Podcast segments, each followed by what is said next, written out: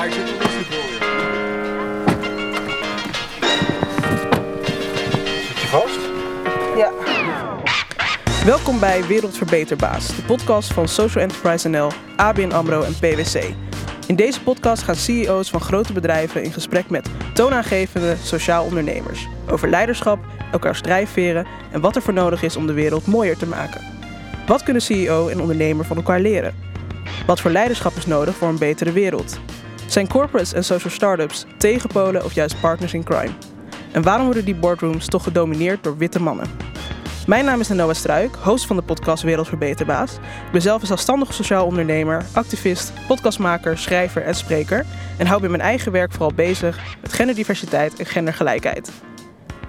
Vandaag ga ik in gesprek met Ad van Geels, CEO van PwC, en Mireille Gijzen, oprichter van de social enterprise iDit. iDit is een social enterprise met twee missies. Werk bieden aan mensen met een so-called afstand tot de arbeidsmarkt en textiel hergebruiken. PwC is een internationaal accountants- en belastingadviesbedrijf met kantoren over de hele wereld en in Nederland meer dan 5000 medewerkers in dienst. We beginnen met Ad van Gils. Hij begon 30 jaar geleden als accountant bij PwC en is nu voorzitter van de Raad van Bestuur.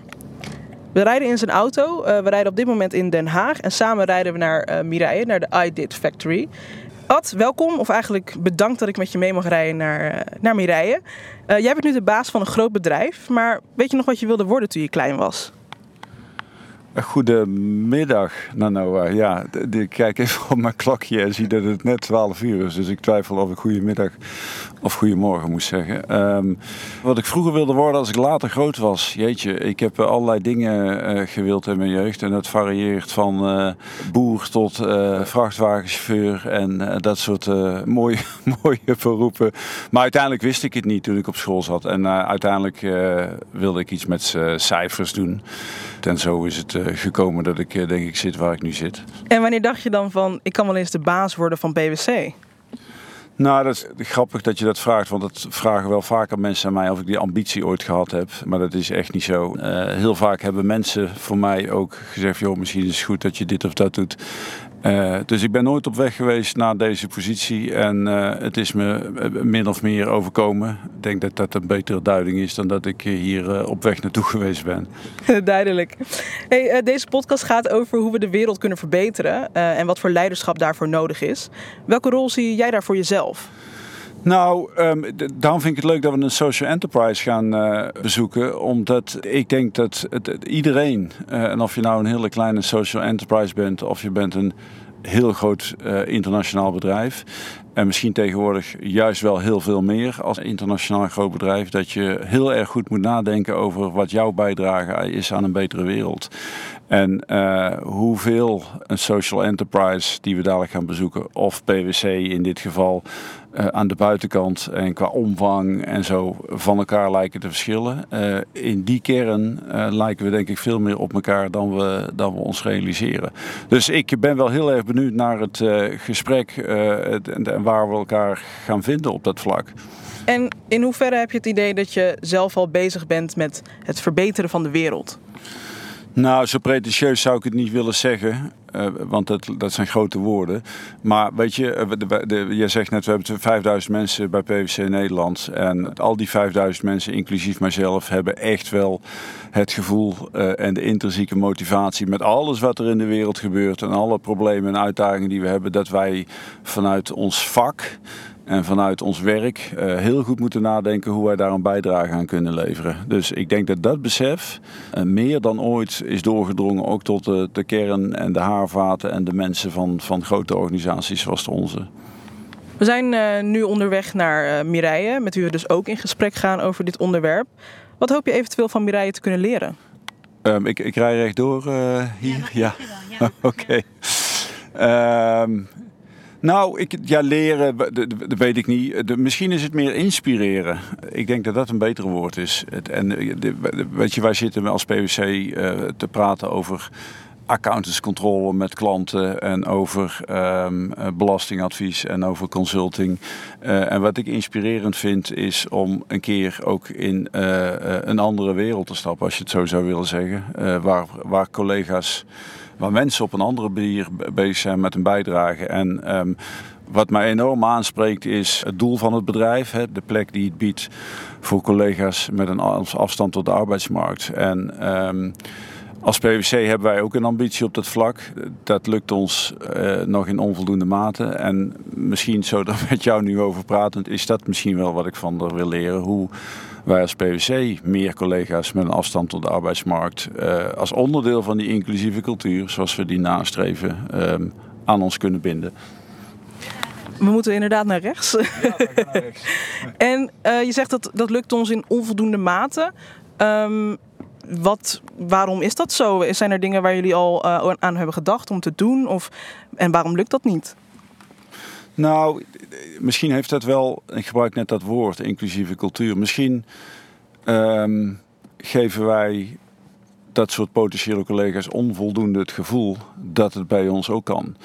Um, en ik denk dat dat veel belangrijker is dan dat we dingen allemaal regelen uh, om het uh, in technische zin mogelijk te maken. Dat, dat, daar zit het niet in. Het zit hem in het gevoel van jeetje dat een collega die uh, wellicht een beperking heeft, dat hij ook het gevoel heeft dat hij of zij ertoe doet bij PwC. daar succesvol kan zijn en daar een relevante bijdrage levert. Ik denk dat wij als organisatie dat veel meer uit kunnen stralen. Ja, oké. Nou, dan gaan we zo meteen uh, misschien bij Mireille wel horen hoe, uh, hoe zij dat aanpakt. Um, zijn er ook dingen die uh, Mireille misschien van jou zou kunnen leren of inspiratie uit zou kunnen halen? Um, nou, dat is een goede vraag. Ik, ik kan moeilijk voor Mireille spreken en ik heb haar nog nooit ontmoet, dus het gaat dadelijk gebeuren. Um, maar ja, ik, ik, ik zou wel, uh, en daar komen we straks wel over te spreken. Um, uh, dat, uh, jij noemt mij CEO. Ik vind dat een ingewikkeld woord. ik vind dat leiderschap klein moet zijn. En ik vind dat leiderschap juist moet overbruggen in plaats van dat het afstand schept.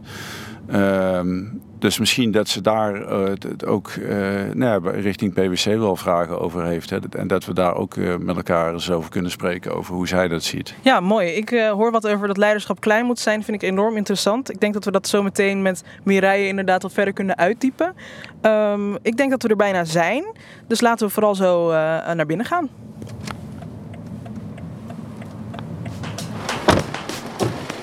Zo, Ah, we hoeven niet eens iets te zeggen. We lopen zo naar binnen bij de iDit Factory. Volgens mij moeten we hier uh, de trap op omhoog, naar boven. Ja. Hey, hallo. Hallo. Ik ben Mireille. Ja. ja, ik ben Ad. Ik geef hem nog maar geen handen, denk ik. Welkom bij iDit. Ja, hartstikke leuk om hier te zijn. Ja, een hele andere wereld waar je nu in komt. Kan ik me zo voorstellen. Ja, dat klopt. Ja. Kunnen we het even laten zien? Ja. Nou, leuk. Lopen we even een rondje, toch? Ja. Het stom is, dan wil ik eigenlijk eerst beneden beginnen. Oh, dat is goed. Dan gaan we het gewoon weer terug naar beneden gaan we daar laten zien uh, wat de grondstof uh, is van deze nou ja, bezigheden die je hierboven zit, ziet. We hebben namelijk net een, uh, een factory, gaan we in het leven roepen, of die wordt nu beneden geïnstalleerd. Om zelf vilt, gerecycled vilt te maken op een mechanische wijze. Dus het begint eigenlijk het verhaal als je echt van A tot Z beneden in de fabriek. Nou, leuk, dan gaan we daar naartoe. Lopen we de trap weer af. Wij vroegen ons ook af waarom het hier Televisiestraat heet. Nou, dat is een mooi verhaal. Dat is ook wel een leuke plek om een podcast te op te nemen, hè? Zeker. Nou, dat is omdat uh, Philips in dit gebouw televisies maakte. Oh. Ja, dus is een, uh, dit is echt een, ja, is echt een productie. Uh, dus er was ook nog echt een reden voor. We hadden het er net al even over gehad, inderdaad. Oh, het is ook wel een leuk stapje naar wat we hier beneden gaan zien. Het is heel stevig. Uh, we kunnen echt uh, vloerbelasting van weet ik wat. Omdat er dus echt productie werd gedraaid. Terwijl je denkt dat je naar een flat kijkt. Dus wij konden hier gewoon ons vestigen met die zware machines die ik nu ga laten zien. Wat vet. Het ziet eruit als een kantoor, maar het is gewoon een fabriek. Ja. Zo zie je maar. Aan de binnenkant is niet alles hetzelfde als wat het aan de buitenkant lijkt. En we lopen hier ook naar binnen in iets gigantisch trouwens. Want dit is echt heel groot. En een hele toffe kleur gekozen hier zo. Nou, mijn achtergrond is, ik ben ontwerper, grafisch ontwerper. En wij mochten de machines een eigen kleur geven. Nou, dan zie je een klein beetje mijn vakhart weer terugkomen. Heeft deze kleur ook nog een naam? Ik, ik vind het blauw-groenig. Ja, blauw-groen. En, en daar zie je een kleur groen. Het stomme is, die is ook zelf gekozen. En die heeft eigenlijk de kleur van industriële machines zoals ze er vaker uitzien. Maar ik had beter oranje kunnen kiezen. Dan hadden jullie gezien dat het zelf gekozen is. En het idee, dat zie je hier, er loopt een scheiding over de vloer is dat je het verschil ziet tussen wat je hier links ziet in het blauw, de vervezellijn.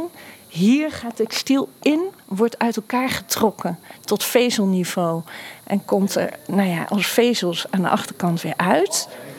Daar gaat het dan vervolgens heen om op een drager gespoten te worden, vernaald te worden en als gerecycled vilt uit te komen. Dus die kleuren die hebben ook een functie.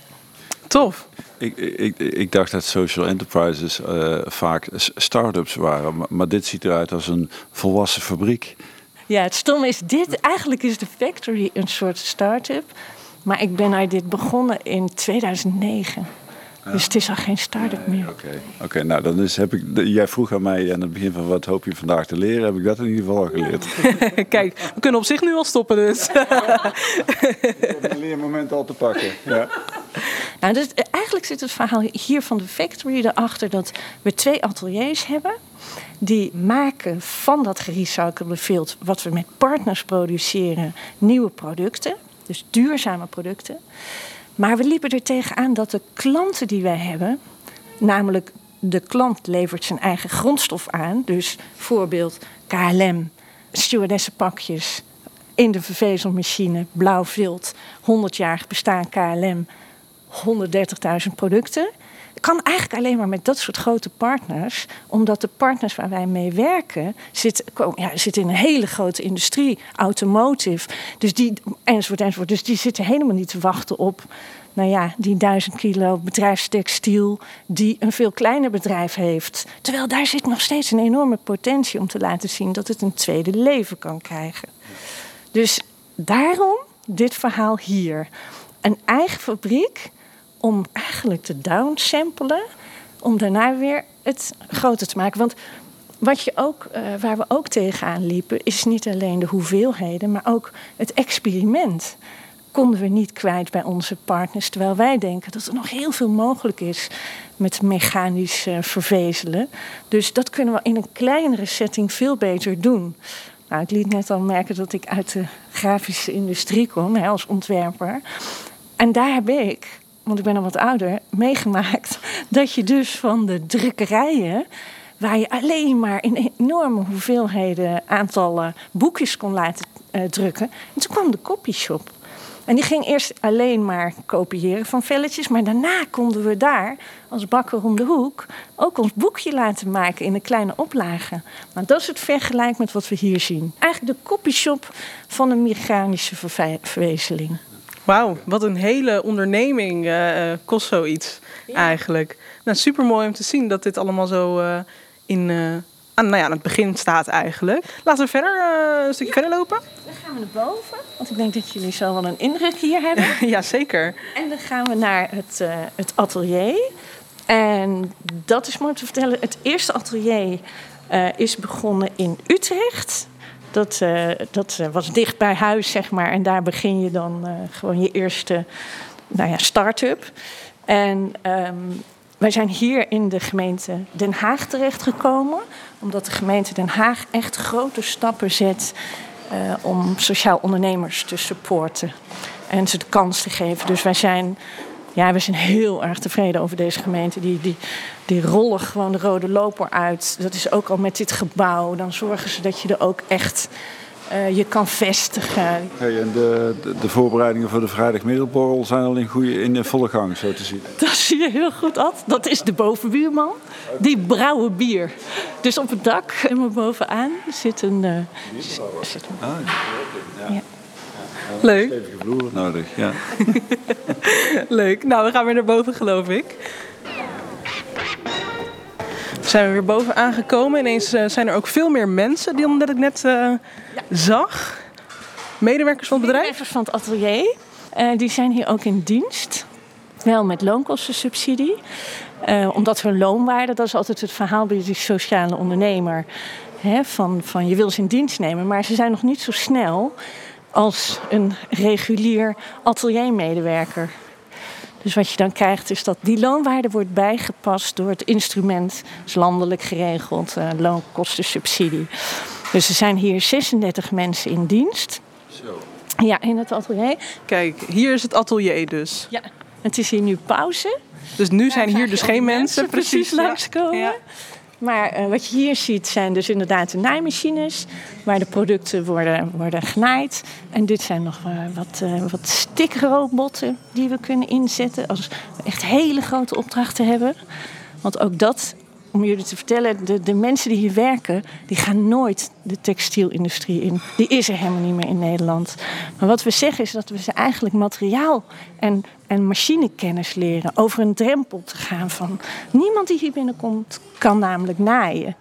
Dus wat je gaat doen is eigenlijk ze on job coachen om te laten zien nou ja, dat daar waar je angst zit, van dat kan ik helemaal niet, dat je die kan overwinnen. Dus wij denken dat ze daarna dan overal terecht kunnen komen. Dus als ik vertel van de stikrobot, zeggen heel veel mensen van ja, maar dan leren ze toch niks en dan leren ze niet naaien. Nee, dan leren ze een nou ja, schijnbaar nog ingewikkelder apparaat beheersen. En dat doet nog weer meer voor je empowerment. Wauw. Ik zit hier echt met verbazing te kijken naar eh, hoe de hoeveelheid van de uh, dat hier ook ligt hier vooraan. En hoe groot dit ook echt weer is. En dat er inderdaad, eh, je zei het al, aan de rechterkant heb je nog een ruimte waar dus achter glas uh, gewerkt wordt. Wat allemaal lawaai maakt.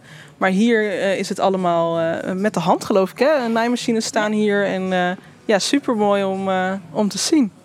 Nou, dankjewel. Nou, hoe mooi is het dat wij, want de afgelopen decennia is er heel veel textielproductie, maar ook eh, schoenenproductie en dergelijke, allemaal verplaatst naar het buitenland. Hoe mooi is het dat we als Nederland ook weer uh, maak, maaktechnologie, maak, maakbedrijf terughalen naar Nederland. Hoogwaardige maakindustrie.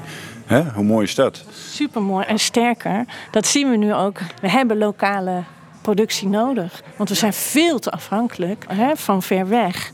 Moeten we dan wel eerlijk zeggen dat, ik weet niet, sommigen wel, of dan onze mensen daar aangenomen zouden worden. En dat heeft weer te maken met dat die loonwaarde. En snap je, we hebben dit als middel gekozen, maar we hadden ook koekjes kunnen bakken. Het gaat om die, ja, om die volgende stap. Maar goed, ik denk dat als we productie hier gaan doen, dat we het hebben over stikrobots. En dat we het hebben over een enorme technologische ja, boost die dat nodig heeft. Want dan kan je tegen die lage lonenlanden op. En dan staan onze mensen vooraan. En is het ook zo dat, want nee, bij onze organisatie komen mensen na een opleiding doen en veel ervaring op doen en leren. En dan gaan ze ook heel vaak weer door om weer uh, verder te gaan. Zie je dat nu hier inmiddels ook? Dat de mensen die hier werken zoveel ook vertrouwen tanken en zichzelf allerlei vaardigheden. Zodat ze zeggen, nou ben ik klaar om weer een volgende stap te zetten? Ben heel blij met deze vraag, want dit is namelijk het verhaal wat wij vertellen. Van liefst wil natuurlijk iedereen hier blijven, want wij zijn dat warme badje naar dat diepe gat. Dus dan denken ze, nee, ik kan het nog steeds niet zelf. I did. Of noem maar wat, Heidi is heel lief, de productiemanager. Of, hè, dus ze, hechten zich aan je, aan de coach, aan Kim, aan Tamara. Maar wij zeggen juist nee, dit ben jij. Dus die tweede stap zetten, zeggen wij altijd, is nog bijna belangrijker dan hierbij uit dit komen werken. Dat is het achterliggende doel. En daar coachen we op. En daar zoeken we werkgevers voor, dus werkgevend Nederland. Uh, klop aan, want je krijgt goud in handen, echt waar. Hele loyale mensen die niet meer terug willen thuis naar de bank. En die echt mee willen doen, want die, die hebben hun eigen waarde weer terug. Even terug naar je, je bedrijf. Hè. Dus jullie uh, de kleding, uh, wat zeg je nou, mechanisch vervezel je. Hè. Dus dat trek je uit elkaar en dan maak je daar vilt van en daar maak je een product van. Dat is in de kern wat jullie doen. Dus alles wat hier, ik zie een paar dingen uh, hangen en zo, is allemaal van vilt gemaakt. Allemaal van vilt ja. gemaakt, ja. En dat is ook wel de core business geworden. En dat is een beetje de achterliggende geschiedenis. We hebben eerst van overtollige uh, overschotten van modelabels hebben wij nieuwe producten gemaakt. Dan moet je je voorstellen, er zijn er 50 winterjassen over in een magazijn. Maar dat kost heel veel ontwerpwerk. En voor onze doelgroep niet handig. Want dan moet je iedere keer opnieuw in de stof verdiepen, het ontwerp. En toen we uiteindelijk via het netwerk van MVO Nederland achter deze materialen kwamen en die hier niet voor werden gebruikt. Ja, toen zijn we dat gaan inzetten, hebben we het recept wel zelf een beetje veranderd. Maar we werden dus echt keihard uitgelachen in het begin. Hebben het over... Ik kijk alleen maar van zacht van, van voering en dat soort dingen. Hè. Maar je kan van filters ook stevige dingen maken. Want zie je daar een tas hangen, die is niet na twee keer al dat de bodem eruit valt. Nee. nee. dat is allemaal getest. En dat is allemaal helemaal stevig. Maar dat heeft ook weer met dat recept te maken. En de manier van stikken. Dus dat wordt allemaal stevig. Maar precies dat is, ja, is dat wat wij daaraan hebben toegevoegd. Is er nog iets wat je ons zou wil laten zien? Of uh, kunnen we uh, plaats gaan nemen in de, de zelfgebouwde studio? Ik ben onder indruk, want uh, ik dacht dat ik, en dat heb ik dus al geleerd, naar een start-up ging. Maar ik zit hier bij een echt bedrijf. Hè? Dat, dat is indrukwekkend om te zien. Leuk. Ja.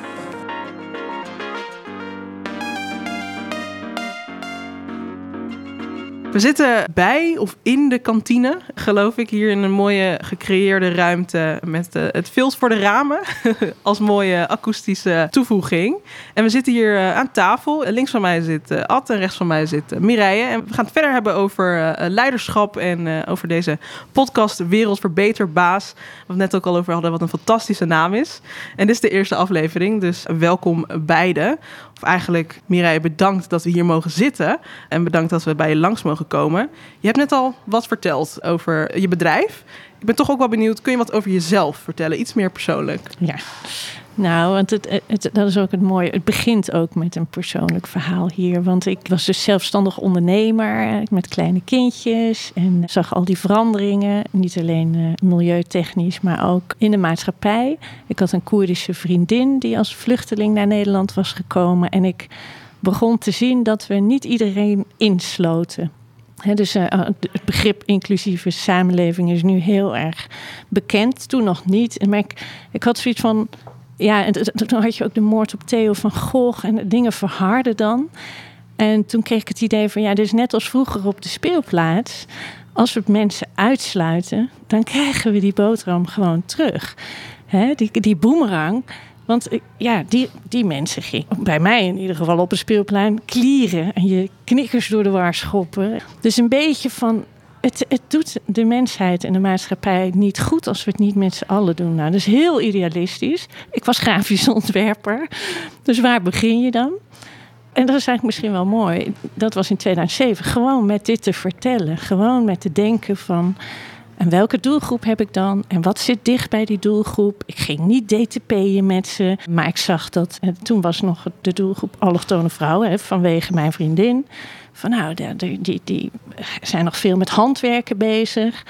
En wat ik net ook zei, het had ook koekjes bakken kunnen zijn. Want wat je eigenlijk kiest is een praktisch beroep waarop je kan coachen. Waarop je aan het eind van de dag kan zien, kijk, dit heb ik nou allemaal gemaakt. Dus zo begint eigenlijk de persoonlijke tocht. En, en die duurde wel heel lang. Ja. Want eer dat je er dan bent, in een tijd waarin het nog niet helemaal wordt herkend maar goed, ik kreeg enorm veel bijval. Dat, dat eh, is wel wat ik vind dat dat begin kenmerkt.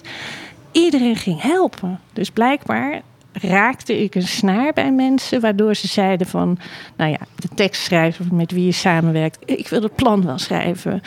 Degene die handig met cijfers was in mijn netwerk. Ik maak je begroting samen. Dus op een of andere manier ging het gewoon, ja, dat noem je dan vanzelf, hè, terwijl het nog een lange weg is. Daarna krijg je allemaal hobbels die je moet overwinnen en die je eigenlijk alleen maar sterker maken.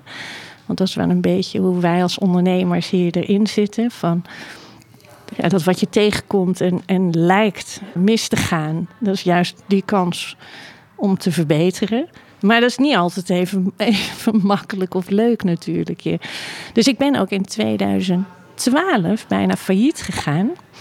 En dat had te maken met dat het businessmodel erachter, achter het sociale deel, niet helemaal klopte. Wij maakten duurzame mode. En dat is, wist ik veel, een veel te grote jas. je begint heel, heel ja, voortvarend. Maar dan hoor je eigenlijk van mensen die in labels hebben geïnvesteerd. Hoezo denk jij er in drie jaar te zijn? Dat moet je minstens vijf tot zeven. Nou, lang verhaal kort. Fondsen die mij financierden, die hebben gezegd: ik, we zien dat je het sociale deel gewoon, en daar was het voor opgericht, dat dat goed gaat. Ga kijken met je atelier wat je anders kan produceren, waardoor het businessmodel wel gaat kloppen. En toen kwam ik businesspartner Michiel Dekkers tegen. En wij doen het hier als ondernemers samen, samen eigenaar. En in de tijd dat hij ging zeilen, en ik dacht, ja, wat, hè, ik ontmoette hem en hij zei, ja, ik ga nog vijf maanden zeilen. Dacht ik, nou, dat is mooi, dan ben ik daarna failliet. Dat had ik niet in die tijd. Heb ik wel gedacht, wat, wat kan ik in die vijf maanden doen? Dan moet ik dus mijn huiswerk doen. En toen heb ik bedacht van laten we dan van al die overschotten, want er vielen allemaal ook modelabels om. Ik was niet de enige die het zo moeilijk had. Laten we dan van die overschotten nieuwe producten gaan maken voor die labels. Dus toen Michiel terugkwam en eigenlijk de boodschap had, nee, modelabels zie ik ook niet zo zitten, kon ik zeggen, nou, ik heb eigenlijk al wel misschien een volgend idee. Nou, en sindsdien zijn we twee handen op één buik. Dus ook die hele viltontwikkeling en wat je dan tegenkomt. Want dat, dat wat ik vertelde van MVO Nederland was wel een mooi verhaal. Want daar zat dat hele kleine ideetje want dat was toen echt nog zo'n heel klein editje met partners als CNA en Nike. En gewoon om te kijken hoe ze de transitie in de mode konden versnellen. Wat zou je zelf als de succesfactor van iDit beschrijven? Die is zo eenvoudig. Dat is namelijk gewoon aandacht. Wij zeggen dat vitamine A.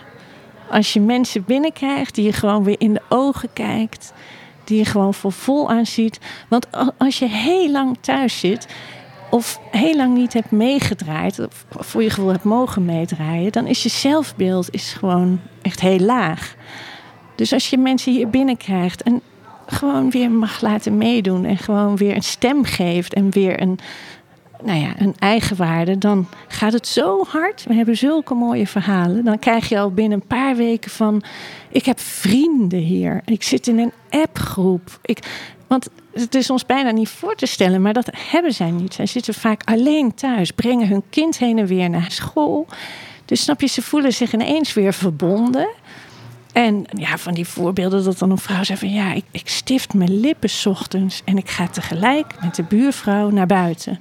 En die heeft ze al zes jaar dat ze hier woonde naar buiten zien gaan. En zij ging niet naar de bushalte, nee, zij bleef binnen.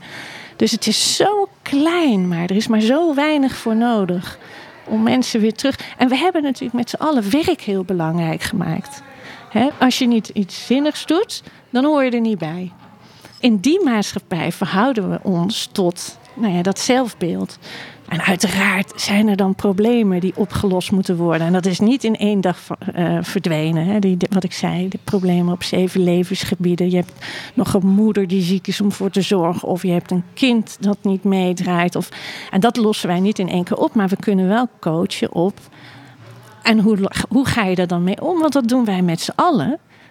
Ik bedoel, ieder huisje heeft een kruisje. Ik bedoel, het is toch niemand die helemaal zorgeloos door het leven gaat.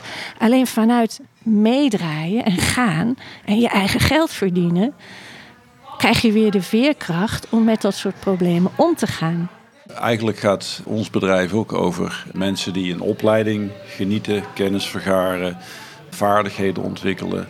Maar die kunnen ze pas inzetten succesvol bij klanten als ze in staat zijn om ook nou ja, zichzelf op de voorgrond te plaatsen. Hè. Dus het gaat over mensen zelfvertrouwen geven dat ze die kennis in durven zetten. Mensen leren om te luisteren hè, en mhm. niet alleen maar hun eigen vaardigheden naar voren te brengen. Het gaat over verbinden. Hè? Uh, samenwerken is iets heel anders dan alleen maar jezelf neerzetten. Dus al die dingen waar jij heel gepassioneerd over spreekt en die eigenlijk jouw organisatie tot iets maken wat bijdraagt aan inclusiviteit, mhm. dat is bij ons niet anders in de kern. En een afstand tot, tot de arbeidsmarkt, ik realiseer me, dus dat wil ik ook al even gezegd hebben, dat dat iets heel anders is dan heel veel collega's die bij ons komen werken.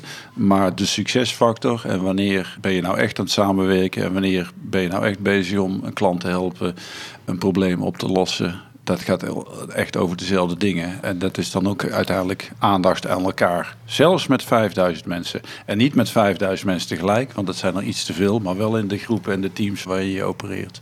Ja, dat vind ik heel mooi dat je dat ook zegt. Want het grappige is namelijk dat wij hier bij Ardit nu die stap ook maken naar ons eigen team. Ja, mooi.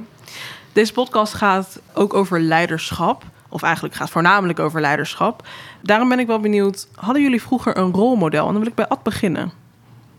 Ja, ik weet niet precies wat een rolmodel is misschien, maar ik denk het niet. Maar misschien wel iets anders. Je hebt in een organisatie, of dat nou bij uh, IDIT is of bij PwC, heb je iemand nodig die voor je zorgt. Hè? Dus iemand, misschien is sponsor wel het betere woord, alhoewel dat ook weer niet helemaal de lading dekt. Maar je hebt iemand nodig die voor jou zorgt. Je hebt iemand nodig die jou het vertrouwen geeft dat je het kan. Je hebt iemand nodig die jou oppakt en ergens neerzet om te zorgen dat je inderdaad precies wat jij zegt, Mireille, die onzekerheid of die schroom van je afwerpt. Dan zeg van, joh, wie ik ben en wat ik kan is goed genoeg. En eh, het helpt iemand om iemand te hebben die daar iemand een zetje geeft. En ik denk dat we die allemaal hebben in onze omgeving. En of dat nou bij je bedrijf is, of in je vrienden, vriendenkring of thuis, dat maakt niet zoveel uit. En over dat onzeker zijn, ja, weet je, en leiderschap. Ik denk dat toen ik bij PwC ging werken, heel lang geleden, toen keek ik enorm op tegen het bestuur. En ik kan me nog herinneren dat ik eh, de eerste partnervergadering eh, bijwoonde, inmiddels eh, bijna twintig jaar geleden. En er zat het bestuur op een podium achter hoge bureaus. En een beetje zoals vroeger in Rusland het politbureau zich presenteerde. En toen dacht ik van, jeetje, dat is heel ver weg. En dat is, dat is heel ver weg van wie ik ben en wat ik doe. Nu zit ik daar zelf, maar ik zit niet meer op een hoog podium. Ik sta gewoon met mijn voeten op de grond. En leiderschap, als je het hebt over onzekerheid en mensen empoweren om zichzelf te durven zijn en daarmee het beste van zichzelf te brengen, gaat niet over het creëren van afstand, maar over het overbruggen van afstand. Dus wat ik niet schroom en wat ik wel eens gedaan heb op een podium toen wij 5000 collega's bij elkaar hadden, is te zeggen van dat ik het ook moeilijk vind en dat ik het ook niet allemaal weet en dat ik het ook lastig vind om hier zo te staan en dat 5000 mensen. En daarmee maak je het klein en in plaats van dat je afstand creëert, overbrug je afstand. Want dan denken collega's van jeetje, als hij al dat heeft en blijkbaar ook die baan dan mag doen, dan zit er voor mij ook wel meer in het vat. Hè? Mhm. En dat is mijn visie op leiderschap. En wat ik dus inderdaad met opzet doe, is daar waar ik het podium krijg, het allemaal heel klein maken, ja. Uh, omdat ik het idee heb dat ik daar mensen veel meer mee help dan dat ik uh, vanuit de hoogte probeer om iets heel abstract te maken. En dat heeft ook te maken met het feit dat ik ad ben. En als ik op kantoor wegloop uit een organisatie waar ik dan voorzitter van mag zijn voor 5000 mensen en ik stap thuis de deur in, dan ben ik niet een ander mens, toch? En dan wordt ook gewoon tegen mij gezegd van... joh, kan je even de vaatwasser uitruimen... en laat die woorden maar gewoon op kantoor. Hier praten we gewoon uh, Nederlands met elkaar. Snap je? Dus het is allemaal wat minder ingewikkeld... dan we soms het voordoen. Mhm. Als je iedereen in de organisatie dat gevoel kan geven... dan help je ze, denk ik, om uh, nou ja, de stap naar voren te doen. Te zeggen van, joh, wie ik ben en wat ik kan is goed genoeg. En ik doe het op mijn manier. En het is wat het is. Ja, Duidelijk. Ja. ja. En, dan zet je mensen ook in hun kracht. Dan kunnen ze worden wie ze zijn. En niet de rol die ze hoeven te spelen. Dat is mooi, mooi verhaal. Ja. Ik zou je een voorbeeld geven. Kijk, wij proberen mensen die bij ons vakman, vakvrouw worden. Hè, eerst en vooral eer dan. En dan daarna moeten ze samenwerken en dan groeien ze door. En dan wordt in die coaching wel eens gezegd van... joh, je moet je wat meer laten zien hè, naar je klanten, naar je mensen. En en dat zeggen dan bij ons soms collega's die je spreekt, die inmiddels 35, 40 jaar oud zijn. En dan stel ik wel eens de vraag van, joh, wie jij bent en wat je doet, is dat onderhand niet goed genoeg? Eh, afgezien van nog het feit dat ik er geen s'nachts van geloof dat jij nog kan veranderen. En als je tegen een introverte persoon, of het nou een man of een vrouw is, of wat dan de achtergrond is, zegt van, joh, jij moet je meer, jezelf wat meer van jezelf laten zien. Dan zeg je eigenlijk tegen zo iemand, weet je wat jij moet doen? Je moet eens wat minder jezelf zijn. Een introverte persoon maakt ook impact. Alleen hij of zij doet dat op een andere manier. Hè? Eh, ik kan iemand, eh, naar iemand in een vergadering die niet het hoogste woord voert, maar die op een gegeven moment een moment pakt en een verhaal vertelt. Dat kan mij veel meer boeien dan iemand die vanaf de eerste uur zeg maar, meteen er bovenop zit. Zeg maar. Daar gaat het om in de kern. En daar ben jij ook mee bezig, Mhm. Mireille, hier met 36 collega's, denk ik. Ja, ja, met mensen die inderdaad daar nog niet eigenlijk zo bewust mee bezig zijn geweest. Maar met dat team, er zijn er inmiddels ook alweer twintig, op die manier. Precies hoe je vertelt. En ja, we zeggen ook altijd, je kan een kat niet leren blaffen. Maar een kat heeft ook zijn kwaliteiten. Dus precies wat jij nu zegt, van gaan drukken op de, op de eh, kwaliteiten of competenties die er niet zijn. Terwijl dat misschien briljante rekenaars zijn, maar die, weet ik het, hè, kan ik me voorstellen met getallen, die, die staan niet graag op de voorgrond. Zou een enorme ja, kans mislopen zijn van mensen die heel getalenteerd zijn. En dat vind ik heel mooi, dat je gewoon dan kijkt naar waar de echte persoon zit, waar hij of zij het meest blij van wordt. Ja. En ze daarop aanspreken. En niet op dat we het met z'n allen hebben afgesproken, omdat het zo leuk is dat, dat je zo outgoing bent. Dus dat zijn sommige mensen gewoon niet. En dat hoef je ook niet te worden, toch? Dus dat is Nee. mooi. Ja, dat hoeven we ook niet op iemand te forceren natuurlijk. Deze podcast wordt nieuw leiderschap, wordt veel genoemd. Ik ben benieuwd wat jullie denken, waar nieuw leiderschap voor jullie voor staat. Kun je mij daarin meenemen, Nou, daar heeft eh Ad heel veel, vind ik al, voor, over verteld. Dus voor mij is nieuw leiderschap veel meer inspireren. En daarin soms vooruitlopen. Maar vertrouwen op de kennis en de kunde van de mensen die je daarvoor hebt aangenomen. Hè, je team die dat gaat draaien. Voorbeeld te noemen. Ik ben niet de coach. Ik ben niet een productieleider. Dat weten zij allemaal beter. Dat hoeven Michiel en ik ze niet te vertellen. Maar het is wel mooi om te laten zien waar gaan we naartoe? Of hè, waar doen we het voor? Dus veel meer dat, nou ja, dat inspireren. Ik ben een enorme fan van het SEMCO-model van eh, Ricardo Semler. En dat zijn we nu ook aan het implementeren hier. En we zijn natuurlijk wel af en toe weer, eh, of eh, wekelijks, in een, in een overleg benaderbaar. Maar ik merk dat ik dit ongelooflijk leuk vind. En, en die samenwerking met IKEA, die lening, zij hebben gezegd, wel als het schaalbaar is, dan gaan we met jullie mee. Dus we zijn met hun bezig te denken hoe we deze vorm van social franchise over de hele wereld kunnen. Nou ja, hoe leuk is dat als je je daar dan eh, als ondernemer mee mag gaan bezighouden? Dus dat leiderschap van loslaten en inspireren, dat bevalt mij heel goed. Ja, mooi. Als je dit verhaal, dit gedeelte, maar ook het gedeelte van I dit, wat we net helemaal in het begin hebben besproken, van Mireille hoort, wat zou PwC daarvan kunnen leren volgens jou? Nou ja, ik vind het wel mooi dat Mireille zegt wat ze allemaal niet kan. Hè, dat, dat gaat dan ook over het leiderschap, denk ik. Kijk, leiderschap gaat over inspireren, maar gaat volgens mij ook over de authenticiteit. Hè. Dus je vraagt wat is nieuw leiderschap? Nou, dat vind ik een mooie vraag voor een eh, witte man van 54.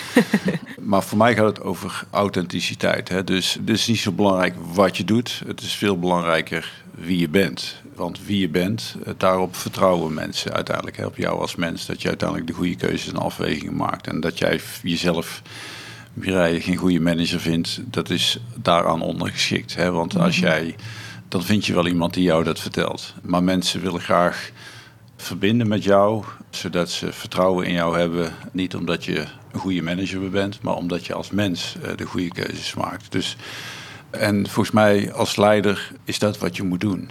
Kijk, toen ik voorzitter werd vier jaar geleden, toen vroegen collega's van joh, hoe werkt dat nou bij jou dan, zeg maar. hè? En toen heb ik eigenlijk voor mezelf bedacht dat dit het verhaal is. En dan kom je dan gaandeweg achter. Ik heb ook een, het- het 30 jaar, zei je, werk je al bij PwC. was inderdaad vorige week. Nou, je schrikt je de blubber van 30 jaar, maar het is wat het is. Eh, maar al die jaren heb ik stapjes gezet in de organisatie en in de carrière. En toen werd ik manager en toen werd ik partner. En toen moest ik in het bestuur zus en toen moest ik zo. En elke keer vonden mensen dat een goed idee dat ik dat ging doen.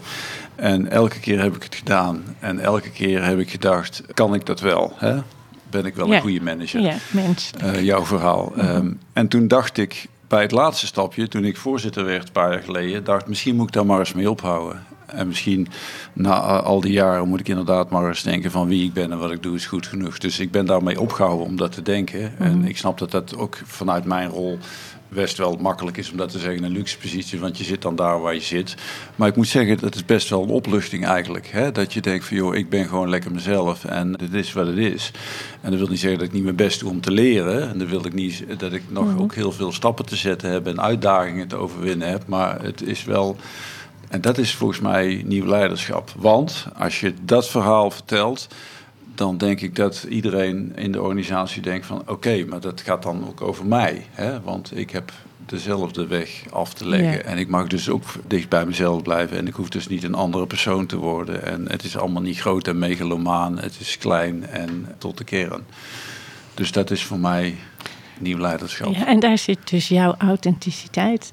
Want zo ben jij dus. Zo ben ik, ja. En dus hebben ze al die stappen met jou gezet. Want je bleef jezelf. Ja is mooi. Ja. ja. Maar dat, dat, het, het moet, of het mag, maar het moet ook uh, in een businessmodel wat ook werkt uiteindelijk. Hè? Zeker. Uh, en het mag ook best gaan over geld verdienen. Uiteraard. Uh, toch? Ja, het is echt vanuit ondernemerschap. Anders waren we een stichting begonnen. Of hè, bijvoorbeeld even naar onszelf kijkend. Ja, nee, dat, dat, die doelen staan ook bovenaan. Ik heb wel eens de, het idee dat in de maatschappij, maar ook in het bedrijfsleven en ook in onze organisatie, dat het of het een of het ander is. Hè. Dus je bent of van de school van geld verdienen en alleen maar bezig zijn met, uh, met de inhoud. Of je bent bezig om mensen en de wereld beter te maken. Nou, ik denk dat we langzamerhand met elkaar tot het besef komen dat het twee kanten van dezelfde medaille is. Hè? Dus het feit dat wij een inclusieve organisatie moeten zijn, komt vanuit een intrinsieke motivatie die we allemaal hebben binnen ons bedrijf. Dat we bij willen dragen aan een betere wereld. En dat we het fijn vinden als de mensen om ons heen ook stappen zetten en succesvol worden en gelukkig zijn. Maar we hebben het ook keihard nodig om beter samen te werken, zodat we de beste oplossingen voor onze klanten bedenken en daar geld aan verdienen. En dat mag ook gezegd worden. Dus we moeten die werelden, die twee vermeende gescheiden werelden, die moeten we bij elkaar zien te brengen. Ja. ja, dat is heel makkelijk, want dat is een kwestie van waarom je veel geld verdient neer te leggen. Waar, en bij ons is dat, wij willen heel veel geld verdienen om meer impact te bereiken. dus dan kunnen we nog meer mensen, dan kunnen we nog een atelier neer gaan zetten en ontdekken of Rotterdam ook zo'n leuke gemeente is of Amsterdam. dus, dus, geld is een middel. Geld is een middel, ja. Maar geld is bij ons ook een middel. Ja, wij, wij moeten geld verdienen om te kunnen investeren in talent, in technologie, om te zorgen dat we de goede dingen doen in een steeds veranderende wereld. Dit is echt een super inspirerend gesprek. Ik ben helemaal aan het luisteren naar jullie verhalen en naar. Ik ik doe er zoveel inspiratie in op voor mijn eigen mini-mini onderneming. maar ik heb nog even één dingetje waar we mee af willen sluiten. Meer een thema van inderdaad nieuw leiderschap, een betere wereld, het verbeteren van de wereld. Hebben wij een, eh, een vaste rubriek en die gaan we hier nu voor het eerst introduceren. Er is namelijk nog iets wat we willen bespreken in deze podcast. En eh, dat doen we in deze rubriek genaamd Dat kan beter Peter. Er zijn in Nederland namelijk meer CEO's die Peter heten dan dat er CEO's zijn die vrouw zijn. Mhm. Ehm, een, een, interessant feitje voor aan de koffietafel. Onze vraag is dan ook: waarom zijn er toch zo weinig vrouwelijke CEO's in Nederland? En ik ga niet verwachten dat jullie daar het antwoord op hebben. Maar ik vraag me wel af: wat denken jullie hoe dat komt en hoe we dat beter kunnen gaan doen? Wil ik beginnen bij Ad? Jeetje. Zware vraag voor het ja, zware vraag. Maar meer, ja, ik ken wel een paar Peters, dat klopt. Um, we groeien, we nemen honderden mensen per jaar aan. Op het moment dat wij hele delen van de arbeidsmarkt afsluiten, omdat die potentiële collega's denken dat ze bij ons geen CEO kunnen worden omdat ze vrouw zijn, dan is dat dus niet goed. Nou, uh, inmiddels hebben wij, uh, zetten wij hele kleine stapjes en zijn wij op allerlei manieren bezig om uh, collega's met een diverse achtergrond. En dan heb je het over genderdiversiteit. Maar het gaat natuurlijk ook over collega's met een andere culturele achtergrond. Het gaat ook over introvert, extravert. Het gaat over allerlei, op allerlei manieren, zoals mensen nou eenmaal anders zijn. Willen wij dat we steeds diverser worden. En daar sturen we op, daar coachen we op.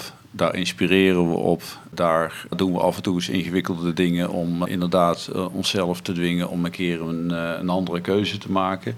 En dat moet dan toch wel uiteindelijk erin uitmonden dat je op enig moment, en wij hebben bijvoorbeeld gezegd in onze partnership, hè, want wij zijn een partnership organisatie en je zoekt nou in op man-vrouw, dat wij in 2030, dat is inmiddels over negen jaar, 30% vrouw willen hebben. En nu uh, zijn het er rond de 14% als ik het getal goed uit mijn hoofd zeg. Dat betekent dat wij elk jaar stapjes moeten zetten om daar te komen. En dat betekent dat op enig moment, als wij dat goed hebben gedaan, er ook wel een vrouwelijke CEO bij PwC zal zijn. Is die er ooit geweest? Naar jouw weten? Nee. Dus er is nog veel nee. Uh, nee. werk aan de winkel op dat vlak misschien? Ja. ja. ja. Wie weet in 2030 dat er dan een vrouwelijke CEO is bij PwC? Ik hoop dat het zo lang niet hoeft te duren, wellicht. Dat hoop ik ook. Ja. Maar goed, je, het is één positie en ik snap dat de, die rol veel symboliek van uitgaat. Maar voor ons is de uitdaging organisatiebreed. En we doen het steeds beter, maar we doen het nog niet goed genoeg. Het is een uitdaging van de lange adem en wel iets waar ik me ook heel erg verantwoordelijk voor voel. En zo proberen we elke dag het maar een stukje beter te doen. Ja, nou tegenover jou zit uh, wel een uh, vrouwelijke founder van iDit. Ik hoor altijd over 30%. Is een quotum of iets dergelijks. Denk je dat dat de oplossing is, Mireille? Ja, ik vind dit een, altijd heel moeilijk. Want ik zit ondertussen te denken van hoe voelt het nou voor mij? En bij mij was het juist dat toen ik met dit begon, weet ik nog heel goed, door Utrecht fietste. En dacht, moet je toch kijken wat een kansen ik krijg. Omdat ik juist met andere culturen bezig ben. Daar is het niet vanzelfsprekend dat jij je eigen bedrijf opricht. Dus ik heb me stom genoeg nooit belemmerd gevoeld. Aan de andere kant Kijk, en ik ben ook een heel erg die doener die door ervaring wijzer wordt. Dus ik, ik heb nooit in een bedrijf gewerkt. Ik ben na de kunstacademie meteen voor mezelf begonnen. Dus ik weet niet hoe het voelt om in een organisatie als vrouw te zitten en misschien wel te ervaren. Dus ik kan daar heel makkelijk over praten. Ik dacht altijd, ja, als jij met die overtuiging binnenstapt met uh, ik zal wel als de mindere worden gezien ja, dan denk ik dat je het ook voedt. Dus ik denk altijd, kom op, sta je mannetje. Hoezo minder verdient? Maar dat is heel makkelijk gezegd. Ja. En interessant dat je zegt, sta je mannetje. Ja, Want dat is toch ook weer, de... zit toch ook weer wat in, hè? Zit dat ja. Het is, uh, scherp, ja, dat is Zeker, maar heel goed, heel scherp. We hebben allemaal onze biases. Zeker, ja. ja we're working on it. ik bedoel. On it. Ja, maar goed, aan de andere kant is dat wat er misschien nog in zat is, wil niet zeggen, hè, sta je mannetje, dat het kan veranderen. Dus laten we in 2030 zeggen, sta je vrouwtje. Ja, of sta je mensje. Hè? Of dus sta je laten we het lekker neutraal houden in deze. heel goed, heel goed. Nog beter. Maar dus, dus, ik, ik, dus aan 30 procent, of ik, ik weet niet zo goed of dat behulpzaam is. Ik denk wel wat jij zegt, Ad, van nou, uh, daar, het gaat om het opengooien van de discussie. Het gaat om het luisteren. Het gaat om het, ja, daar begint het. En dat is heel fijn om zo'n doel te stellen. Dat zo nou, wat je doel is niet het doel, het is een middel. En bij onze organisatie voeren we dat gesprek. En helpt het in dat gesprek om het concreet te maken. Zeg van jongens, één op de drie vrouw of nou, weer een groep die we gaan benoemen. Uh, als die niet divers is samengesteld, misschien gaat het feest dan wel niet door voor de hele groep. En dan is dat een, middel om de boel op scherp te zetten of om het gesprek met elkaar te voeren. Want als je dat niet hebt, dan is het allemaal iets, iets moeilijker vast te pakken. Dus in een organisatie met mensen die heel inhoudelijk zijn, helpt dat wel. En quotering en quotum is natuurlijk geen fijn woord, hè, want dan denk je aan visquota en, en, ja, en, en, aan uh, mestquota en dat soort dingen.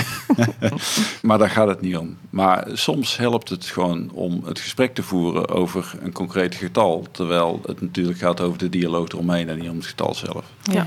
Nou, mooi. Ja, ja. ja, hele mooie afsluiting. Ik wil jullie enorm bedanken voor dit gesprek. En Mireille, fijn dat we bij je langs mochten komen. Altijd fijn dat ik met je mee mocht rijden. Ik heb het heel erg naar mijn zin gehad. Zijn er nog afsluitende woorden die jullie kwijt willen voordat we hem afsluiten?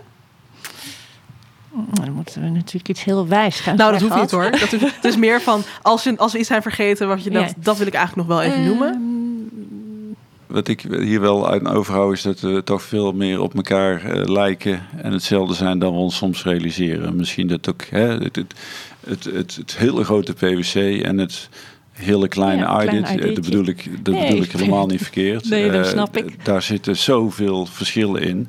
En misschien is daarom de boel bij elkaar brengen wel veel makkelijker dan we ons soms realiseren. Ja. Heel mooi. Dat is een hele mooie afsluiter. Ik sluit me aan. Top. Dankjewel. Ik vond het uh, superleuk en uh, uh, ook lekkere koffie. Dankjewel. En ik vond het ook heel inspirerend. Het is fijn om met jullie over dit soort zaken te praten. Bedankt Ad van Geels van PwC en Mireille Gijzen van iDit. En bedankt luisteraar voor het luisteren. Abonneer je op de podcastfeed van Wereld Verbeterbaas. Daarin vind je nu al de volgende aflevering met Robert Zwaak van ABN AMRO... en Annemiek Dreesen van Newbies.